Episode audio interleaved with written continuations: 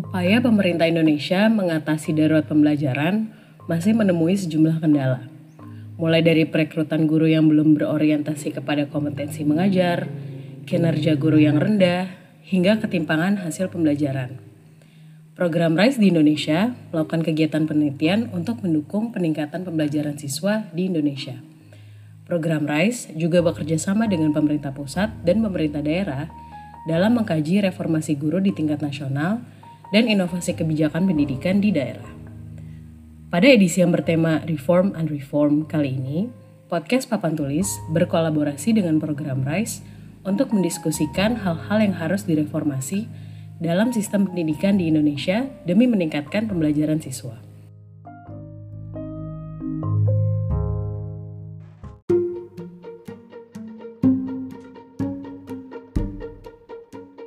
Episode dari Reform and Reform kali ini adalah Evidence-Based Policy untuk Pendidikan di Daerah bagian pertama.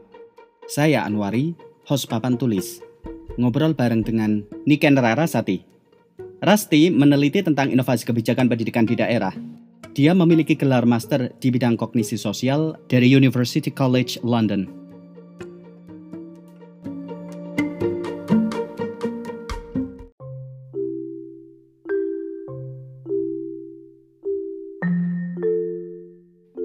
Setelah hampir dua dekade desentralisasi, kalau ngobrol pendidikan Indonesia itu mengembalikan praktek pendidikan ke daerah, ya tidak? Iya, uh, terutama setelah desentralisasi ya, setelah pendidikan sistem hmm. pendidikan desentralisasikan ke pemerintah-pemerintah kota, kabupaten, dan provinsi. Kalau di daerah, otoritas yang bertanggung jawab untuk pelaksanaan pendidikan formal tingkat dasar dan menengah itu seperti apa? Iya, jadi sejak peraturan desentralisasi pendidikan itu uh, otoritas atas sekolah SD dan uh, eh, SMP atau pendidikan dasar ya PAUD SD SMP itu berada di pemerintah uh, daerah level kota atau kabupaten. Jadi semua anggaran, kemudian juga uh, kebijakan misalnya mau merekrut kepala sekolah atau pengawas caranya seperti apa itu ada di level um, kota dan kabupaten. Kemudian kalau untuk SMA dan SMK itu ada di level provinsi. Seperti itu sih. Jadi perannya Kementerian Pendidikan mungkin lebih kepada fasilitator ya eh, sebenarnya yang membantu atau melayani uh, para pemerintah daerah tersebut untuk melakukan kebijakan atau membuat kebijakan yang tepat sasaran. Gitu. Sementara uh, daerah itu tugasnya adalah uh, membuat kebijakan-kebijakan yang memang kontekstual uh, dan sesuai dengan masalah-masalah yang lokal yang ada di daerahnya masing-masing. Itu. Sampai ke pengelolaan sekolah? Hmm, jadi kalau kalau kita lihat di daerah, saya sendiri sebenarnya nggak tahu pasti poin-poinnya ya. Misalnya kayak, oh ini masuk tapi kalau yang uh, secara umum misalnya ya uh, di daerah itu di yang level misalnya SD SMP gitu ya itu uh, perekrutan uh, kalau guru PNS itu kan tetap nasional. Tapi misalnya kayak uh, promosi kepala sekolah itu sebenarnya uh, dari Kemdikbud itu sudah ada misalnya uh, dasar-dasarnya atau standar-standarnya untuk menjadi kepala sekolah seperti apa. Tapi nanti mekanisme milihnya bagaimana, apakah mau ada seleksi lagi tambahan atau bagaimana itu diatur oleh uh, pemerintah daerah. Terus misalnya juga pelatihan guru misalnya gitu ya. Uh, dari Kemdikbud tentu sudah punya misalnya ada program PPG, PKB atau kurikulum standar untuk uh, melatih uh, kemampuan guru, kompetensi guru. Tapi kan tentunya dengan uh, ada otoritas di daerah sebenarnya ini memungkinkan kalau memang ada hal-hal tertentu yang lebih yang sifatnya kontekstual atau masalah ini memang uh, secara lokal terjadi nih di kabupatennya si A doang atau si B doang. Nah ini uh, pemerintah daerah tentu bisa membuat program sendiri untuk melatih guru misalnya seperti itu. Oke, Rasti dan teman-teman di RISE mempelajari laboratorium pembelajaran atau learning lab. Apa itu learning lab? Jadi sebenarnya ide learning lab itu muncul awalnya dari bahwa tadi ya bahwa uh, pemerintah itu eh sorry bahwa pendidikan atau otoritas pengelolaan pendidikan atau membuat kebijakan pendidikan itu terdesentralisasi. Dan sebenarnya kita percaya bahwa desentralisasi itu dibuat karena uh, dari Sabang sampai Merauke Indonesia itu kan berbeda-beda tantangannya. Uh, dalam semua hal sih sebenarnya nggak cuma pendidikan tapi khususnya terkait pendidikan tentu konteksnya sangat berbeda budayanya berbeda kebiasaan masyarakatnya berbeda kapabilitas pemerintah daerahnya juga berbeda kemudian uh, apa ya namanya tujuan dari pendidikan secara khususnya gitu ya mungkin uh, kalau di daerah ini mungkin uh, area uh, ilmu ini lebih uh, lebih apa ya, ya intinya sih sangat-sangat berbeda sangat-sangat kontekstual. Belum lagi tantangan geografis misalnya tantangan geografis yang sangat beragam gitu ya. Sehingga uh, tantangan keberagaman ini membuat tidak ada atau sulit untuk punya one size fit for all policy gitu ya. Nggak bisa satu Indonesia Raya punya satu kebijakan saja terus blar selesai tuh masalah dari Sabang sampai Merauke gitu ya. Jadi perlu memang diselesaikannya itu sesuai konteks gitu. Mungkin di daerah di Bogor gitu ya di uh, tempat tinggal saya waktu kecil gitu. Misalnya tantangannya A ya nanti masalahnya solusinya harus sesuai dengan tantangan yang ada. Tapi misalnya di Yogyakarta gitu tantangannya beda lagi gitu. Atau cita-cita pendidikannya juga mungkin agak beda lagi karena kulturnya berbeda. Maka solusinya juga harus sesuai. Jadi itu uh, ide awalnya. Namun memang setelah lebih dari satu dekade uh, desentralisasi pendidikan ini terjadi bahkan mungkin hampir ya dua, hampir dua dekade ya desentralisasi pendidikan ini terjadi. Um, nampaknya tidak semua daerah itu punya kebijakan-kebijakan yang inovatif yang sehingga membuat masalah-masalah pendidikan itu terselesaikan gitu. Karena kan kalau kita lihat secara rata-rata nasional masalah pendidikan kita itu masih masih besar loh gitu ya. Anak-anak pergi ke sekolah tapi nggak belajar secara optimal. Itu kan sesuatu banget gitu ya masalah yang masih besar gitu. Nah uh, di learning lab ini kita berusaha untuk sebenarnya mengetahui eh, hal-hal uh, apa sih yang secara kontekstual uh, di berbagai konteks yang berbeda gitu ya menyebabkan uh, se sebuah daerah lebih mudah untuk berinovasi atau mungkin terhambat untuk berinovasi? Dan kemudian proses-proses apa sih yang bisa dilakukan untuk um, mendorong pemerintah daerah untuk berinovasi atau membuat uh, kebijakan yang kontekstual dan memang menyelesaikan masalah gitu ya yang memang fokus kepada penyelesaian masalahnya dan kemudian kalau memang kita sudah punya misalnya di daerah tertentu ada ide tertentu gitu yang ternyata berhasil kita uji coba kemudian kita evaluasi dan ternyata berhasil uh, bagian mana dari ide-ide tersebut yang bisa disebarkan ke daerah-daerah lain uh, untuk diadop diadaptasi gitu ya tentunya okay uh, proses pengadaptasiannya juga harus sesuai dengan konteks daerah yang nanti mengadaptasi. Kira-kira seperti itu. Di studi yang Rasti dan teman-teman di RAIS lakukan, ada empat daerah yang dituju, Bukit Tinggi, Jogja, Wekanan, dan Kebumen. Kenapa empat daerah ini?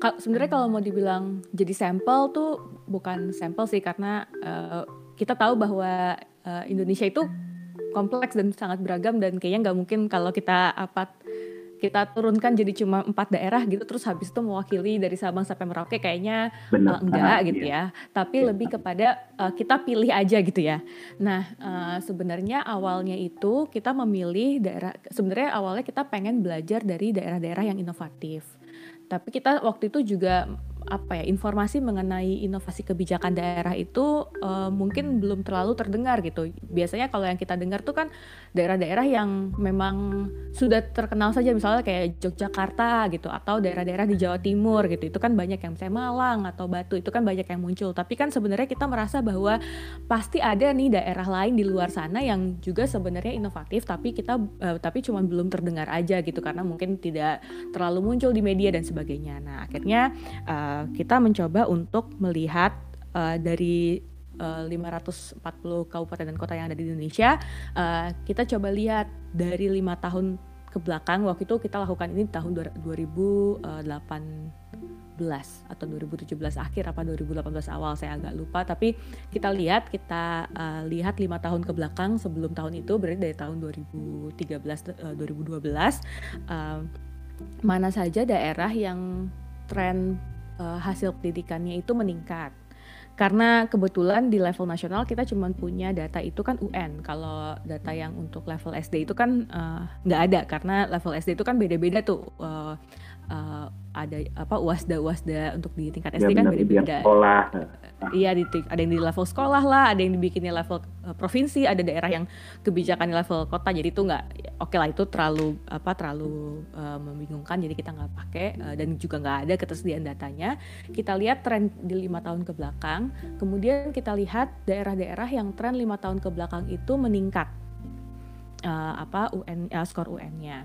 Nah kemudian kita coba eh, masukkan variabel-variabel yang sifatnya seperti misalnya eh, fasilitas akses hal-hal yang seperti itu ya fasilitas akses atau eh, hal-hal yang eh, bisa bisa diukur itu memang eh, akan berkontribusi pada eh, nilai UN gitu ya.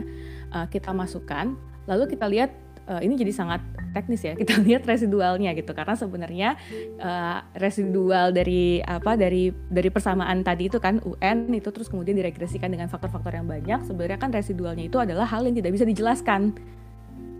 Misalnya oh residualnya besar. Oh tadi kalau udah dimasukin misalnya kualitas eh, bangunan eh, pendidikan guru apa segala macam masuk ke situ eh, masih ada sisanya berarti kan sisa ini adalah hal yang tidak bisa dijelaskan yang ini kita asumsikan waktu itu kita asumsikan jangan-jangan hal yang tidak bisa dijelaskan ini adalah inovasi yang nggak bisa diukur tadi itu kan kita nggak tahu atau belum pernah ada yang mengukur. Hmm, benar, nah benar. kem- kemudian kita menemukan tuh kalau nggak salah ada sekitar uh, saya lupa sih jumlah pastinya tapi ada sekitar 60 sekian daerah-daerah seperti itu. Nah kemudian kita telepon satu-satu. Jadi kita membuat survei telepon, kita telepon satu-satu.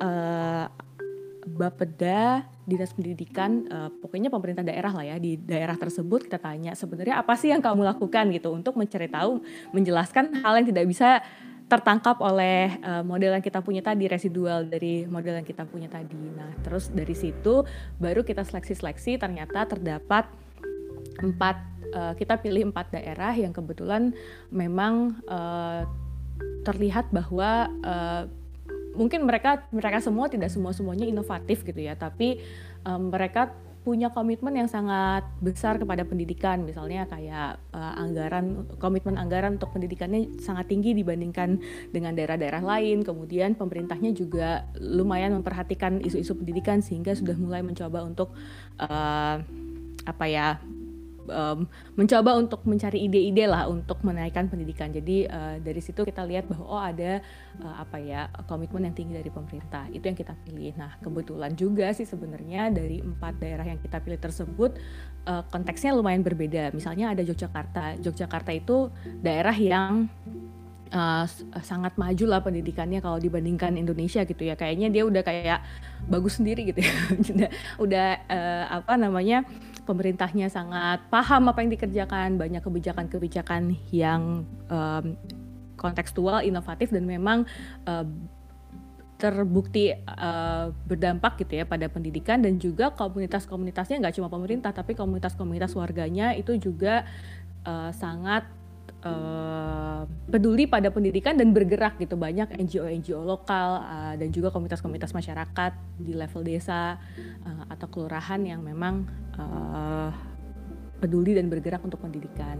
Lalu kemudian ada uh, Bukit Tinggi. Bukit Tinggi itu mungkin mirip-mirip dengan Yogyakarta ya, punya sejarah yang cukup baik mengenai pendidikan. Makanya memang mereka punya banyak-banyak program yang daerah-daerah lain itu nggak punya yang benar-benar memang sangat bukit tinggi banget lah gitu ya sangat uh, cocok sama kulturnya mereka. Tapi ternyata uh, fiturnya berbeda nih kalau Jogja semuanya tentang guyup gitu ya. Pendidikan tuh kayaknya dikeroyok bareng-bareng uh, kebersamaan dan guyup. Kalau Bukit Tinggi ini tentang prestasi gitu bagaimana pendidikan tuh dipandang oleh masyarakatnya sebagai uh, prestasi. Nah kemudian ada uh, atau prestasi atau apa ya kebanggaan gitu kali ya. Jadi uh, hal yang penting kayak gitu-gitu ya. Uh, apa Ya. value-nya seperti itu. Sehingga banyak sekali polisi-polisi terkait hal seperti itu. Misalnya kayak uh, penghargaan untuk orang tua seperti itu. Kalau anaknya berhasil kayak gitu-gitu. Jadi uh, polisinya juga berbeda. Dan itu menarik sekali untuk dilihat. Nah kemudian yang dua lagi kita punya uh, daerah yang levelnya mungkin dibilang menengah gitu ya. Dia punya punya banyak akses kepada um, ilmu-ilmu atau punya banyak akses kepada kota-kota yang lebih maju eh, di bidang pendidikan.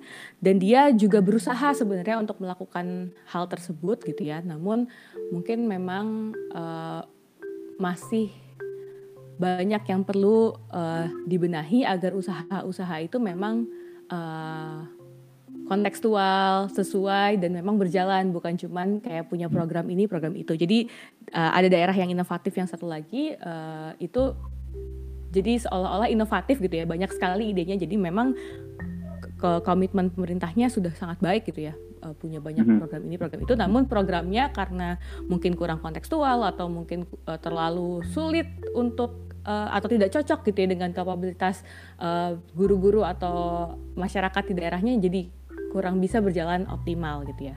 Dan yang terakhir adalah daerah yang punya kemauan tinggi juga sebenarnya untuk berinovasi tapi memang benar-benar uh, karena mungkin secara akses juga lumayan uh, kalau dibilang 3T sih enggak tapi lumayan lumayan jauh gitu ya dari akses uh, kota yang besar dan sumber-sumber uh, pengetahuan mungkin seperti itu ya sehingga uh, masih punya banyak usaha untuk berinovasi tapi inovasinya masih kurang.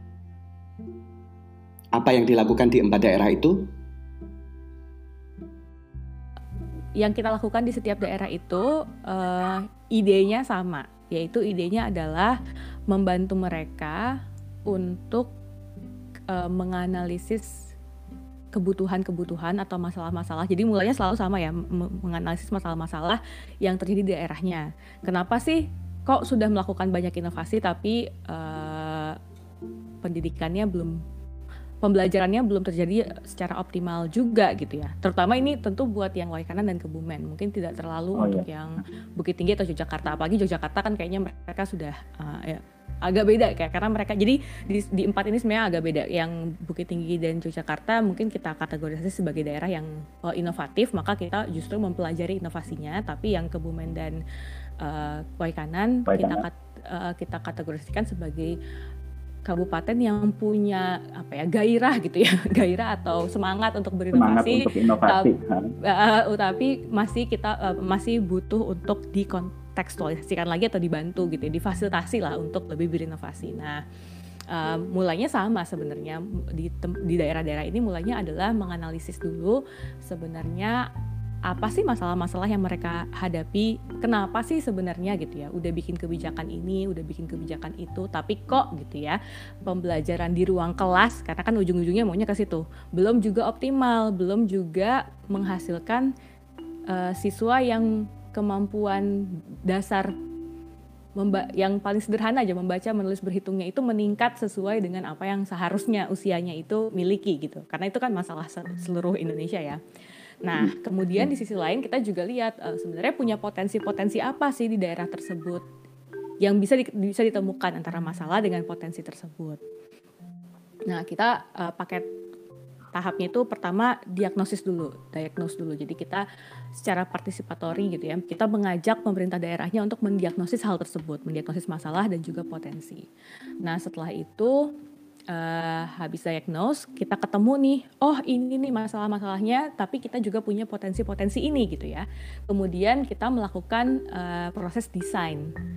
Nah desain ini uh, dilakukan juga secara partisipatif. Jadi misalnya kalau ternyata masalahnya itu jatuhnya pada kepala sekolah maka pada saat proses desain uh, dalam tanda kutip kebijakan gitu atau proses desain program gitu atau intervensi gitu itu kita ajak kepala sekolahnya uh, untuk okay. ikut mendesain bersama. Nah, okay. dari proses desain ini kemudian di setiap daerah menjadi punya atau dari proses diagnosis lah di, di setiap daerah kan menjadi punya temuan akar-akar masalah yang berbeda. Sehingga akhirnya kan desain kebijakan itu juga berbeda.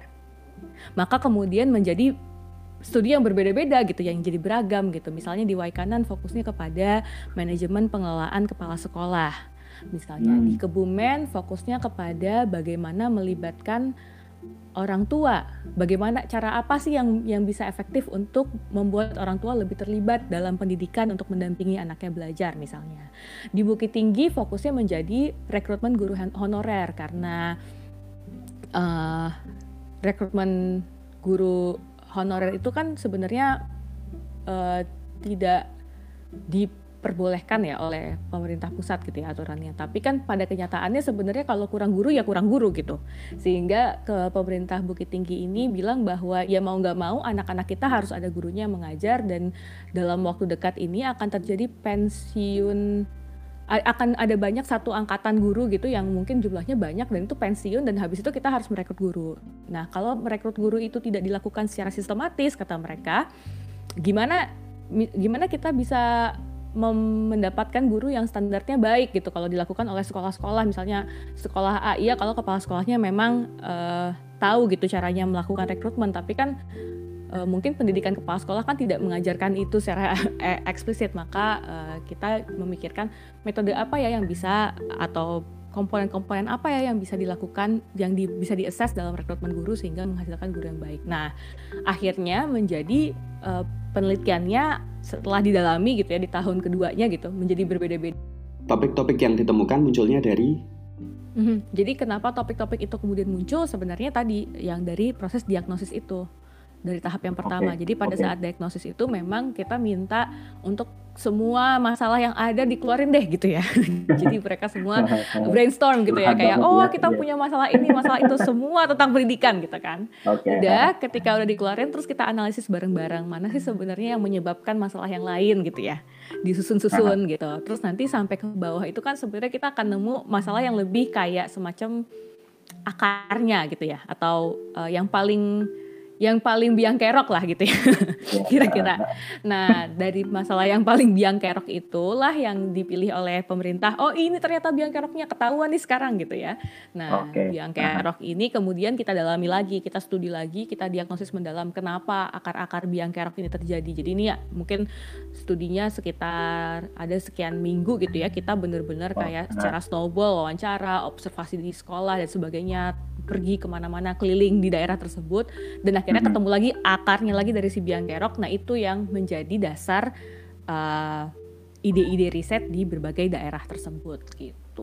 Oke okay, di level diagnostik ditemukan wicked problem yang kemudian mulai merembet ke faktor-faktor yang lain uh, tentunya untuk melihat sistem secara utuh.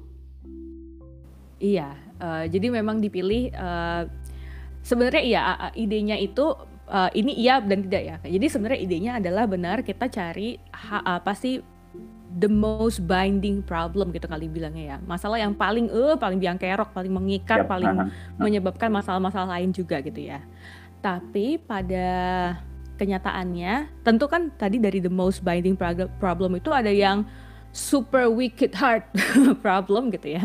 Tapi ada juga mungkin yang ya hard problem aja gitu kali ya uh, akar-akarnya. Nah, dari akar-akar tersebut tentu uh, sebenarnya nanti ujung-ujungnya yang kita benahi dulu bersama uh, pemerintah itu bukan yang paling susah sih sebenarnya. Tapi mana yang bisa dilakukan lebih dahulu. Uh, mana yang uh, mana yang uh, kemungkinan untuk diubahnya itu lebih besar. Kenapa? Kenapa kita mulai dari yang lebih mudah? Karena memang uh, masalah pendidikan itu udah kompleks lah tanpa harus yang the wicked hardest problem itu gitu. Itu udah udah kompleks. Jadi kalau kita mau memang biasanya yang yang paling yang paling biang kerok itu yang paling fundamental gitu. Tapi kalau kita mau kalau kita mau kerjain sesuatu yang lebih paling berat itu bisa jadi malah nggak selesai selesai maka uh, kita pilih dari uh, binding binding constraint yang ada gitu uh, ambil yang paling bisa diselesaikan lebih dahulu. Apa sih kriterianya gitu ketika kita bilang sebuah masalah itu lebih mungkin untuk diselesaikan atau lebih tidak mungkin untuk diselesaikan? Gitu kan pertanyaan selanjutnya jadinya ya. Nah kriteria yang kita pakai kita bukunya Len Pritchard, Matt Andrews, uh, sama, sama Michael Woollock judulnya Building State Capability tentang bagaimana melakukan uh, apa mendesain kebijakan berbasis masalah gitu ya untuk menyelesaikan sebuah masalah itu ada tiga hal. Yang pertama adalah acceptance. Menurut saya ini yang paling penting. Seberapa aktor-aktor yang memang terlibat di masalah tersebut sehari harinya ya pemerintah lah ya kepala sekolah lah ya guru lah ya tergantung ya tergantung masalahnya apa gitu itu menerima kalau memang masalah itu ada Karena kalau dia nggak nerima, misalnya masalahnya kita tahu nih dari hasil penelitian kita ini udah the wickedest hardest problem. Kita tahu gitu ya. Tapi kalau mereka nggak terima itu nggak akan nggak akan pergi ke mana-mana. Karena mereka ngerasa enggak kok baik-baik aja kok. Enggak gue nggak ngerasa kayak gitu kok gitu kan. Itu yang pertama acceptance. Yang kedua adalah uh, agency. Sebenarnya kalau dari bukunya si uh, building state capability itu dia bilangnya authority. Tapi dari uh, pelajaran di Bukit Tinggi sebenarnya saya belajar bahwa uh, there is something more than authority yaitu adalah agency. Karena kadang-kadang authority itu kan sesuatu yang given gitu kan. Uh, di, diberi, diberikan oleh pemerintah pusat kepada pemerintah daerah misalnya seperti itu ya untuk mengelola ABCD tapi ternyata ketika misalnya dalam konteksnya uh, Bukit Tinggi ketika mereka sudah accept masalah bahwa mereka butuh guru-guru yang berkualitas meskipun otoritasnya itu nggak diberikan ketika dia punya agency atau dia punya willingness to solve that problem that they fully accept itu dia uh, kemudian jadi lebih mau untuk menyelesaikannya. Itu yang kedua agency atau authority itu ya.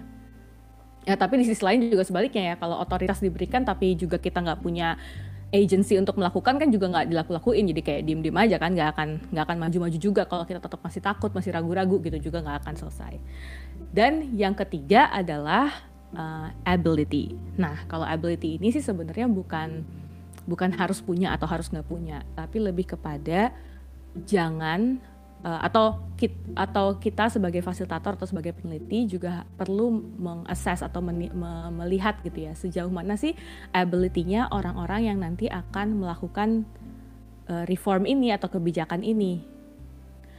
Jangan sampai kita pemerintah atau uh, peneliti atau juga orang-orang di atasnya misalnya kepala sekolah gitu ya misalnya mendesain uh, program untuk guru ya susah gitu untuk dilakukan oleh guru tersebut. Jadi harus disesuaikan dengan level ability. Jadi tiga hal itu sih. Jadi kalau ini terlalu susah untuk diselesaikan, mending gak usah karena memaksakan sesuatu yang uh, sangat terlalu jauh di atas kapabilitas yang dipunya itu malah jadi nggak jadi apa-apa contoh di apa namanya di kebijakan pendidikan ketika sesuatu itu dibuat atau di didesain tanpa melihat apakah gurunya mampu atau kepala sekolahnya mampu atau orang tuanya atau siswanya atau pemerintah daerahnya mampu atau atau enggak melaksanakannya. Yang ujung-ujungnya akhirnya cuma dianggap sebagai karena udah nggak mampu nih ngejalaninnya yang ujung-ujungnya cuma dianggap sebagai checklist aja lah gitu. Yang penting secara administratif udah bisa terpenuhi. Contoh paling sederhana bikin RPP gitu ya. Bikin RPP standarnya harus bikin uh, berapa halaman, ada ini, ada itu. Mungkin um, Mas Anwari karena dari pendidikan tahu ya. Uh, banyak gitu kan yang dikerjakan susah gitu.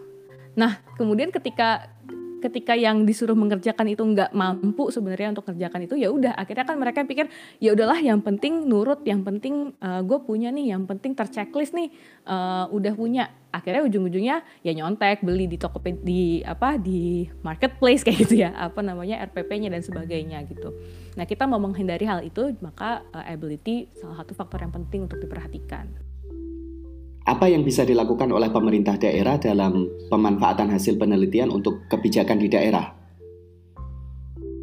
Hmm.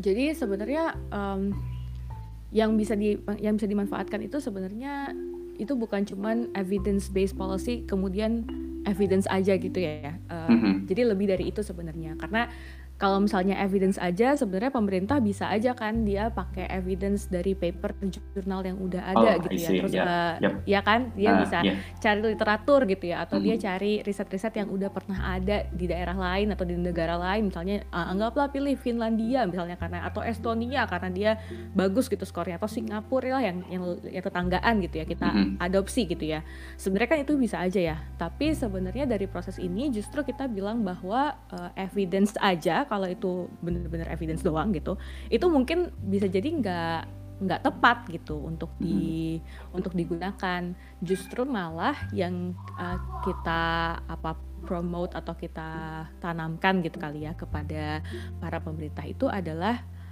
uh, berangkatlah dari masalah yang memang benar-benar terjadi di daerah uh, mereka kemudian berangkatlah dari melihat atau mengenali masyarakat mereka itu sebenarnya kebutuhannya apa, kapabilitasnya itu segimana, baru kemudian di situlah uh, mereka memunculkan ide-ide uh, kebijakan. Misalnya pun nanti mau mengadopsi misalnya dari uh, ide-ide yang udah ada di luar sana gitu ya, misalnya evidence-evidence di Afrika atau misalnya di daerah-daerah lain yang kita anggap oh ini bisa kita pakai nih bagus gitu. Tetap ketika pada saat diterapkan di daerahnya sendiri itu tetap harus disesuaikan dengan tadi masalah kebutuhan konteks budaya dan juga uh, kapabilitas uh, apakah mereka bisa lakukan atau enggak gitu karena kan penting ya kapabilitas bisa dilakukan atau enggak itu Artinya konteks di daerah menjadi saringan utama. Betul, yang jadi saringan utama. Apakah mungkin atau nggak mungkin dilakukan dan apakah perlu di mungkin bukan cuma mungkin apa nggak mungkin dilakukan, apakah perlu disesuaikan karena kebanyakan juga akhirnya ujung-ujungnya kan disesuaikan lagi dengan dengan kondisi daerahnya. Terus Betul. kemudian juga yang kita promote adalah pun kalau misalnya kita sudah punya ide itu, itu juga sebenarnya kan masih ide Siapa yang tahu kalau itu benar-benar efektif? Maka tadi kan tahap pertama kan diagnosis, tahap kedua kan desain. Desain ini kan termasuk kalau kita ada ide dari yang diadopsi dari misalnya uh, praktik-praktik baik di luar sana atau kita bikin sendiri gitu ya. Nah, yang ketiga adalah evaluate and adapt. Jadi biasanya memang kita juga mendorong mereka untuk punya pilot dulu gitu ya, pilot program dulu. Dicobain dulu lah bikin prototype, dicobain di misalnya uh, 3, 4, 5 sekolah gitu ya. Jalan apa enggak? Oh jalan bagus. Kalau udah jalan, eh pasti nggak langsung jalan bagus sih sebenarnya kalau pada kenyataannya kan pasti namanya juga yeah. baru ide awal pasti ada ups and downs-nya iya pasti yeah, kayak oh ternyata ini harus kayak gini oh ternyata ini nggak jelas oh yeah, ternyata bener, ini bingung bener. gitu kan nah itu biasanya kan terus kemudian oh berarti harus diperbaiki di sini oh berarti harus diperbaiki di situ disempurnakan lah itu si prototipe itu menjadi sebuah oke okay, sekarang kita udah yakin udah jalan clear semua bisa diterapkan maka juga kita evaluasi lagi. Jalan sih jalan, tapi apakah benar-benar ini memang akan berdampak kepada membaiknya atau meningkatnya kualitas pembelajaran di ruang kelas dan kemudian meningkatnya kemampuan siswa? Who knows ya kan? Tetap harus dicoba lagi. Nah, ini kemudian tahap evaluasi berikutnya yang biasanya kita anjurkan untuk kita bikin eksperimen dulu ya uh, selama misalnya setahun. Nanti kalau udah dieksperimenin setahun, kita lihat oh ternyata benar-benar berdampak, maka silahkan jadikan kebijakan terapkan di seluruh uh, daerah. Sebenarnya ini menghindari uh, terjadinya pemborosan uh, anggaran untuk melakukan uh, kebijakan yang uh, kesannya mungkin kita kira oh ini pasti inovatif berhasil ternyata pada saat sudah diterapin udah menggelontorkan anggaran yang sangat besar gitu misalnya eh tahunya nggak berdampak apa-apa kan sayang. Iya, nah daripada terjadi iya. seperti itu kita bikin eksperimen dulu dengan sampel size yang lebih besar tapi nggak harus semuanya gitu misalnya let's say bekerja dulu lah sama 70 50 sampai 70 sekolah kayak gitu untuk benar-benar dilihat apakah benar-benar berdampak. Dan di masa ini juga tentunya ada banyak masukan untuk memperbaiki memperbaiki desain tadi itu kan. Yap, yap. Gitu. Jadi ada dua tahap evaluasi sebenarnya. Mm-hmm, mm-hmm. Gitu. Untuk untuk reevaluate tadi ya. Mm-mm. Mm, okay. Evaluasi pertama fiturnya bagus apa enggak, desainnya Terus jalan apa enggak. Evaluasi kedua apakah iya beneran ini ngefek ah, nih. Iya. Make make sure gitu ya. Uh, uh, apakah ada dampaknya gitu. What's next? Apa lanjutan dan implikasi dari studi ini terhadap kebijakan pendidikan di daerah di masa selanjutnya? Sebenarnya kalau penelitian ini kan belum selesai. Jadi sekarang itu kita masih di tahap evaluasi yang kedua kebanyakan. Ada satu daerah yang baru mulai juga bahkan jadi kita nambah satu daerah baru lagi nih karena uh, ternyata uh, ada juga daerah-daerah yang tertarik melihat project learning lab kita terus mereka oh pengen ikutan dong gitu ya jadi ada yang baru mulai jadi uh, tapi yang udah mulai di empat daerah tadi itu uh, sem uh, hampir semuanya itu sebenarnya dalam tahap evaluasi kedua. Jadi what's next sebenarnya yang menyelesaikan dulu gitu ya sampai tahu uh, dampaknya tadi. Apakah iya kalau misalnya memang dampaknya jalan, ya harapannya tentu kebijakan ini bisa maksudnya dampaknya jalan adalah kalau memang ternyata setelah eksperimen yang selesai kita tahu bahwa ada dampaknya terhadap peningkatan kualitas pembelajaran di ruang kelas, harapannya ya tentu pemerintah uh, mau atau punya anggarannya untuk membuat uh, program ini menjadi kebijakan di daerah mereka. Tapi sih kalau melihat seberapa mereka pemerintah juga terlibat kan dalam mendesain prosesnya, uh, harapannya sih mereka pasti akan menerapkannya karena ini memang sesuatu yang mereka tahu, mereka sadar, mereka accept, mereka terima bahwa ini yang mereka butuhkan. Uh, selama uh, dua tahun ke belakang ini mereka benar-benar terlibat. Yang kedua sih sebenarnya uh, kita juga pengen belajar ya sebenarnya fitur-fitur apa sih yang yang yang menjadi pendorong gitu ya, pendorong atau juga penghambat kali ya dari proses berinovasi ini ya. Let's say kita sebut aja proses diagnosis, desain, uh, mengevaluasi dan beradaptasi ini sebagai proses uh, berinovasi gitu ya. Apa sih hal-hal yang menghambat dan apa yang kira-kira bisa hal-hal uh, tersebut bisa di uh, advokasikan mungkin ya ke pemerintah pusat uh, supaya faktor-faktor penghambat atau faktor pendukungnya itu diada diadakan atau di, dikurangi gitu. Nah ini juga sebenarnya sih bukan buat snacks ya karena kita sebenarnya udah udah ke arah situ jadi kita juga sudah mengkomunikasikan temuan-temuan atau insight-insight pelajaran yang kita dapat dari proses uh, inovasi ini bersama pemerintah daerah ke ke Kementerian Pendidikan dan diterima dengan sangat baik juga dan dipikirkan juga oh ya bagaimana ya caranya supaya Kementerian Pendidikan itu bisa berperan secara optimal menjadi uh, quote and quote fasilitator proses inovasi gitu ya bagi pemerintah daerah bukan sebagai uh, pihak yang memberikan standar standar standar dan regulasi regulasi regulasi saja gitu tapi hmm. sebagai fasilitator. Terima kasih Rasti. Terima kasih juga. Thanks for having me.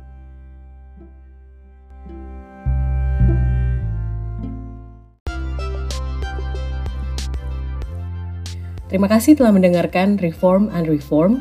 Ikuti terus diskusinya melalui podcast Papan Tulis di mana pun Anda mendengarkan podcast. Cek publikasi terbaru dari program RISE di Indonesia di situs webnya di rise.smeru.or.id atau ikuti Instagramnya di riseprogram.id.